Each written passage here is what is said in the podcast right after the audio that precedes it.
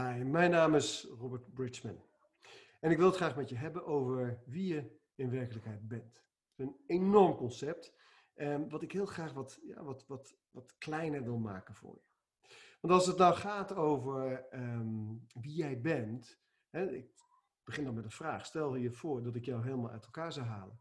En ik leg alle onderdelen van je lichaam leg ik hier neer. Ik leg alle stukken van je Ehm, eh, je emoties leg ik hier neer, je trauma's, je pijn, je overtuigingen, je gedachten, je geheugen, je herinneringen, je ego, je DNA, ehm, je hart, uh, je ziel, je hoger zelf. Stel dat ik het allemaal neer zou leggen, welk deel kun je dan oppakken en zeggen, dat ben ik. Dat bestaat niet. Je bent de som van al die delen. Je bent een concept. Je zegt ik, maar eigenlijk ja, is het een fysiek, emotioneel, mentaal, psychologisch en spiritueel geheel dat je ik noemt. Maar het is heel lastig als je iemand zegt: Hey, hallo, mijn naam is uh, een, een, fysiek, emotioneel, mentaal, spiritueel en psychologisch uh, voertuig. Dat is heel lastig. Dus we noemen dat ik. Mijn naam is Robert. En uh, dat ik is natuurlijk een, een, een, ja, iets in spreektaal. Dat is net als de zon komt op. De zon komt helemaal niet op, de aarde draait. Maar het is makkelijk om te zeggen: de zon opkomt. Dus als we naar ik verwijzen, dan verwijzen we eigenlijk naar een een concept. Ehm, en dat concept is niet wie we zijn.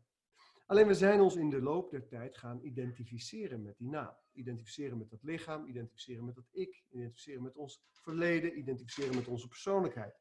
Maar dat is niet wie we zijn. Dus het is heel belangrijk om te gaan beseffen wie je in werkelijkheid bent.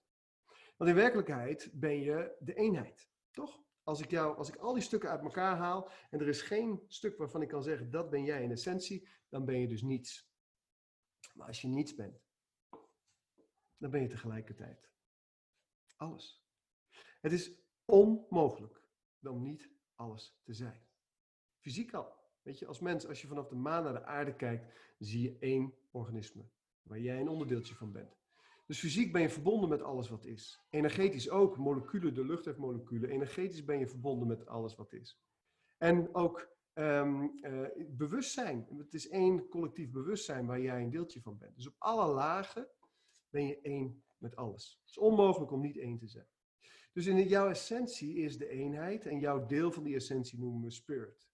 En jouw spirit drukt zich uit in een ziel. En die ziel die, die drukt zich uit in een hoger zelf. En dat hoger zelf ja, dat heeft een voertuig nodig om op aarde deze ervaring te kunnen hebben. En dat voertuig, dat vergelijken we wel eens met een auto. Want dat voertuig is het fysiek, emotioneel, mentale en het psychologische. En stel je nou eens voor dat jij een auto zou zijn. En um, voor de meeste mensen geldt dat um, uh, die auto, hè, dat is het, het fysieke lichaam. Hè, de carrosserie is het fysieke lichaam. Um, emoties zijn de brandstof. Als die vastlopen, als die emoties niet lekker stromen, stromen, dan kan die auto ook niet lekker rijden. Die emoties zijn de brandstof. Het mentale lichaam is het stuur en de motor. En de persoonlijkheid zit achter het stuur, bij de meeste mensen. De persoonlijkheid rijdt.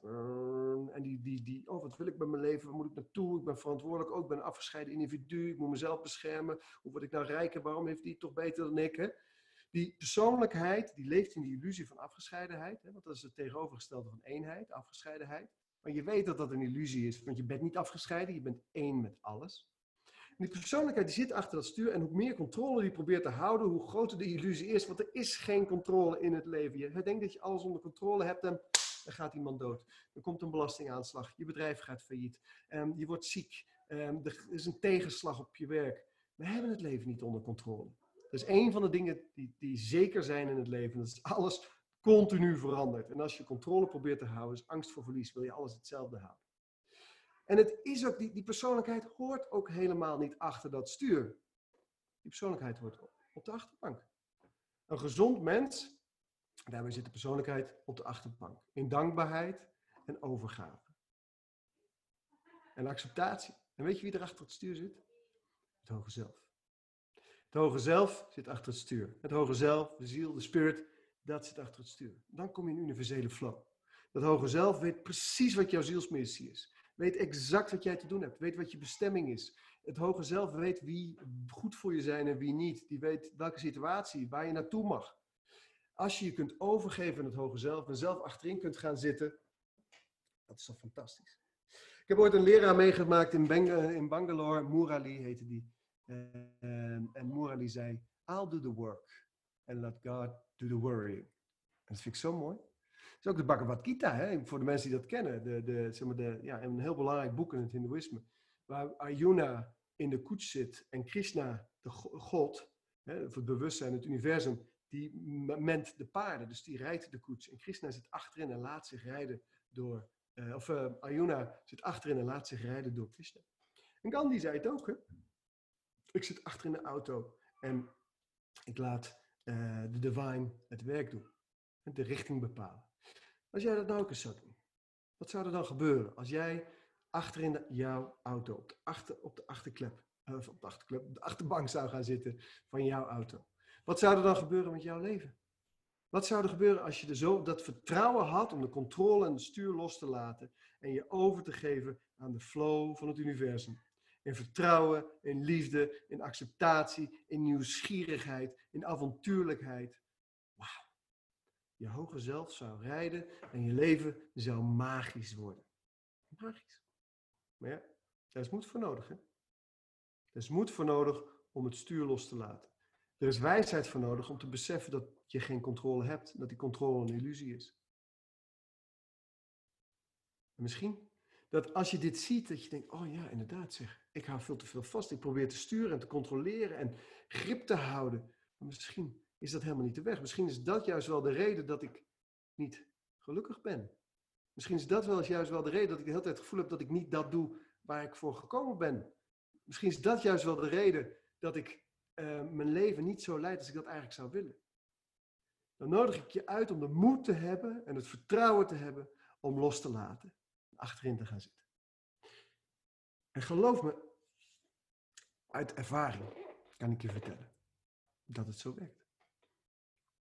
Ik ben nu tien jaar achterin op de achterbank aan het zitten. En natuurlijk, eh, op een bepaalde situatie spring ik nog in paniek voorin en probeer ik controle te houden. Maar dat wordt steeds minder. Het vertrouwen, de vertrouwensspier noem ik het ook wel, wordt steeds sterker. De overgave wordt steeds dieper. Maar de magie is echt waanzinnig. Het leven wordt steeds mooier. Ik word steeds authentieker. Steeds meer wie ik echt ben. Mijn bestemming wordt steeds duidelijker. En ik ben niet alleen. Er zijn zoveel mensen die op dit pad zijn en die het stuur los hebben gelaten. En misschien kun jij dat ook. Dankjewel voor je aandacht.